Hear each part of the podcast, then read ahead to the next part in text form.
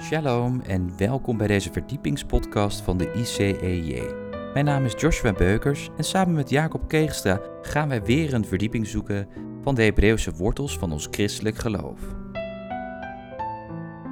In aflevering 212 gaan wij het hebben over een nieuwe Torah-lezing in het begin, Bereshit. Wij wensen u veel luisterplezier.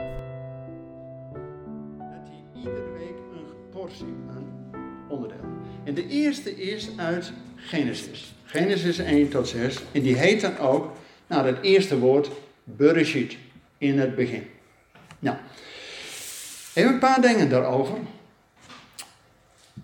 Het eerste woord alleen al, en dan zelfs het eerste letter, die B van bed, betekent huis. Dus vanaf het allereerste letter van Gods woord gaat het om relatie tussen God en ons. En God wil komen wonen bij de mensen. Wat is het slot van de Bijbel? Openbaring 22. God komt wonen bij de mensen. En we onder zijn bescherming zijn. Dus het is van begin tot eind helemaal, God wil geen religie, maar relatie.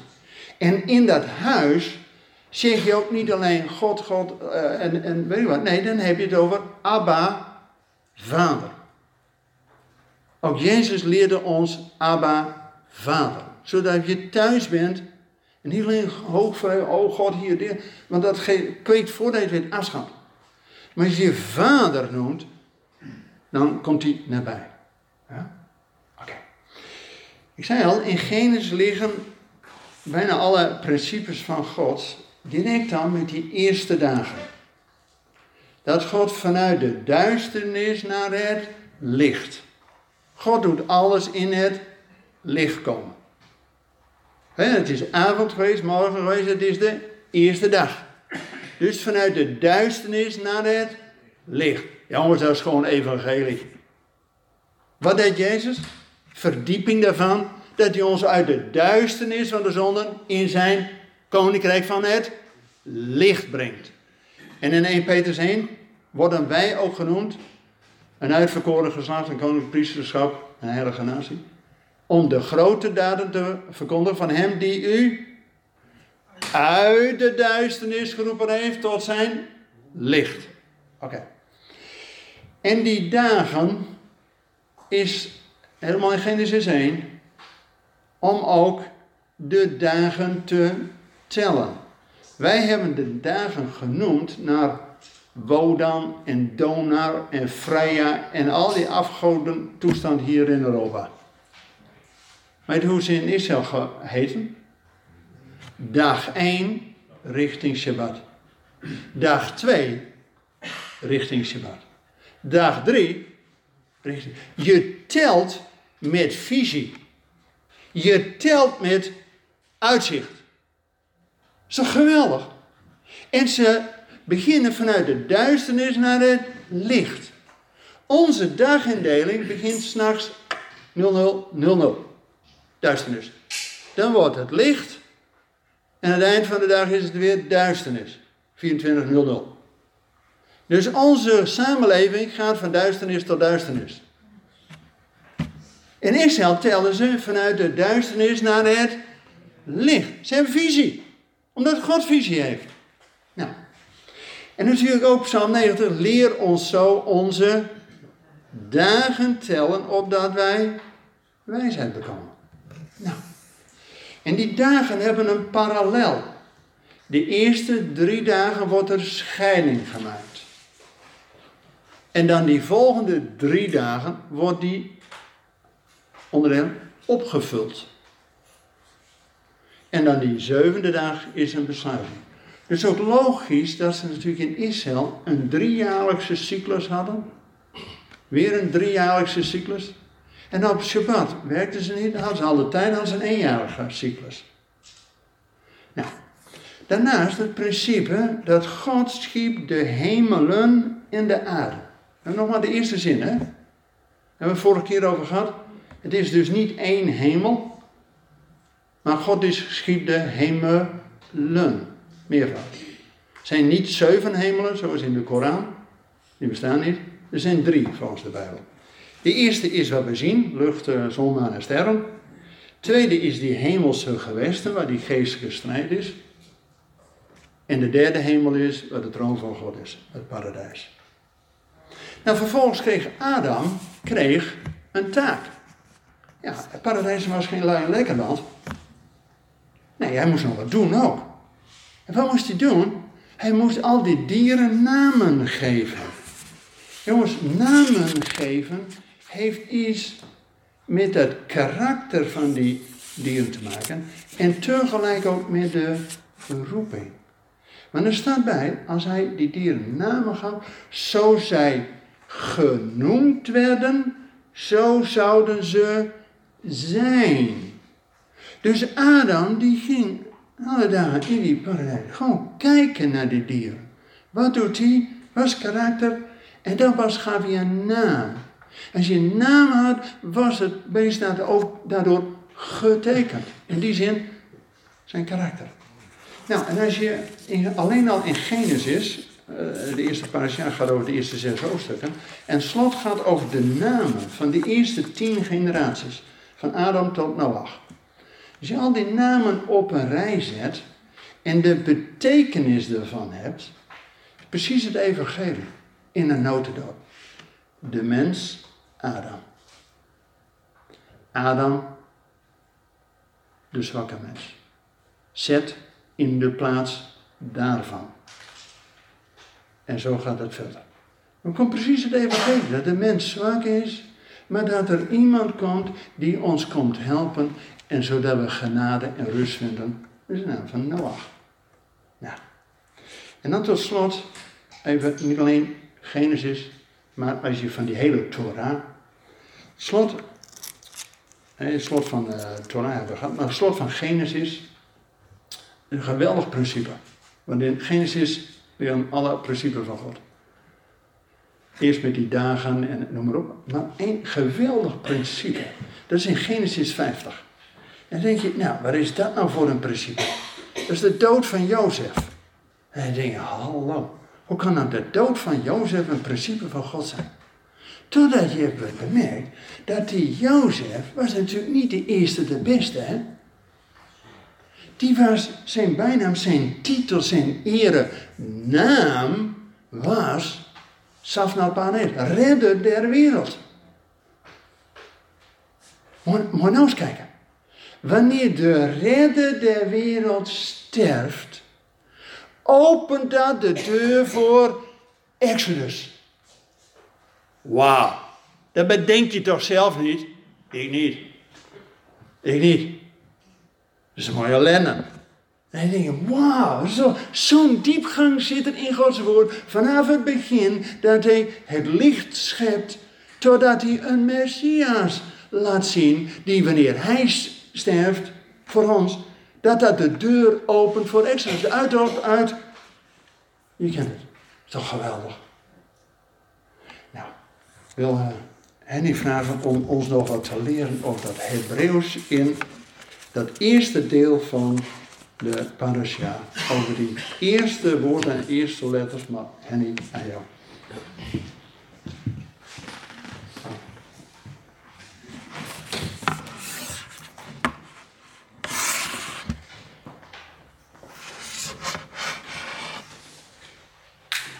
Even kijken, jongens.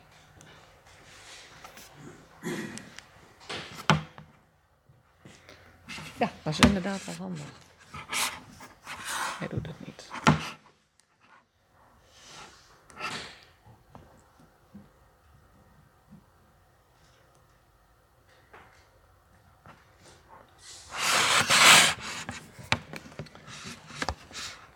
Bereshit.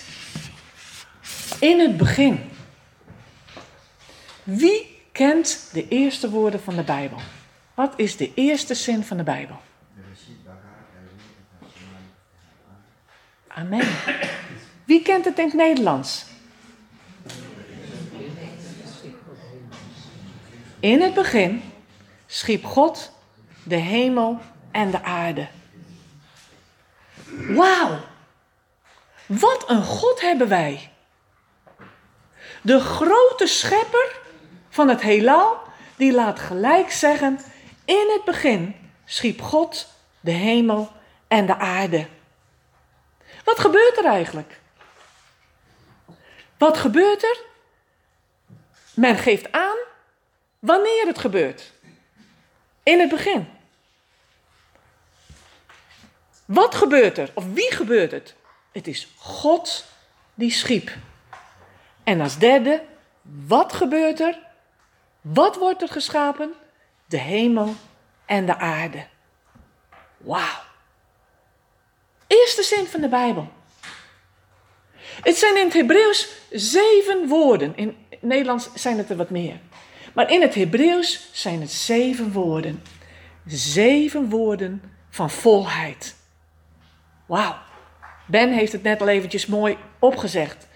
Bereshit, Bara, Elohim. Nou, dat woord herkennen we. Elohim, God. Et Hashemayim, de hemelen. En de aarde, Aretz. Die zeven woorden, daar is iets mee bijzonders aan de hand. Gods woord is zo ontzettend bijzonder dat als je erin duikt, dat je alleen maar vol verwondering kunt kijken naar de grote schepper die alles geschapen heeft. En dat willen we doen. De eerste zeven woorden, dat zijn zeven woorden. Toevallig zijn de tweede zin veertien woorden. Twee keer zeven.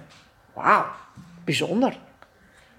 Maar wat, we kunnen niet alles vandaag allemaal doen. En ik wil me beperken eigenlijk tot het eerste woord. Dus het eerste woord in het begin, of het begin. En in het Hebreeuws heet dat Bereshit.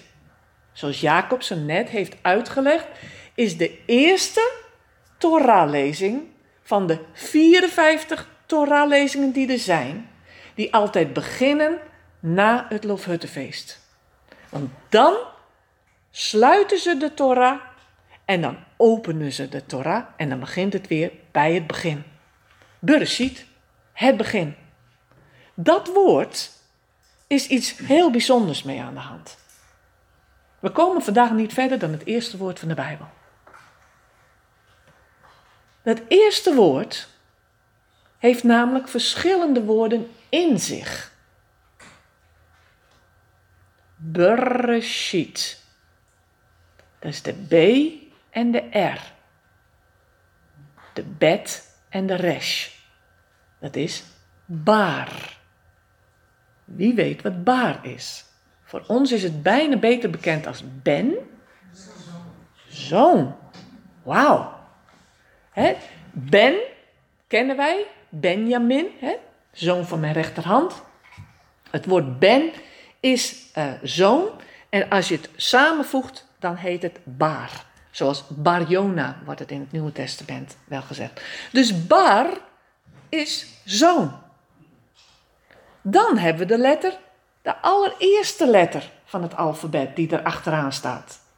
En dat heb ik wel eens hier uitgelegd. Dat is de letter Alef. En dat representeert God. Want de hele naam van God zit daarin. Is een aparte lezing, kunt u vinden op YouTube van ons. Dus het eerste woord, of de eerste twee letters, zijn zoon. En het tweede is God. Als je die twee samenvoegt, bar en alef, staat er bara. Oh, hadden we dat net ook niet? Ja, het tweede woord is namelijk bara. En dat betekent schiep. Het is namelijk alleen maar God die kan scheppen.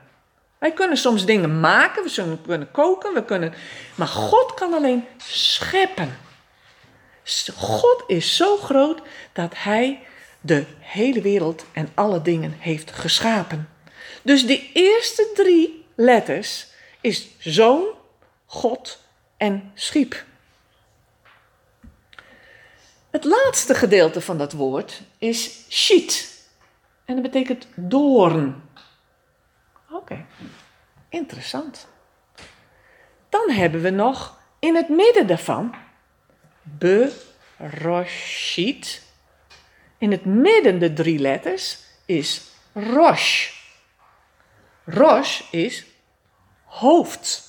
Je ziet het in Rosh Hashanah, het, de eerste dag van het hele nieuwe jaar. Je ziet het in Rosh Hapnina, is een, een, een, naam van een stad, het hoofd.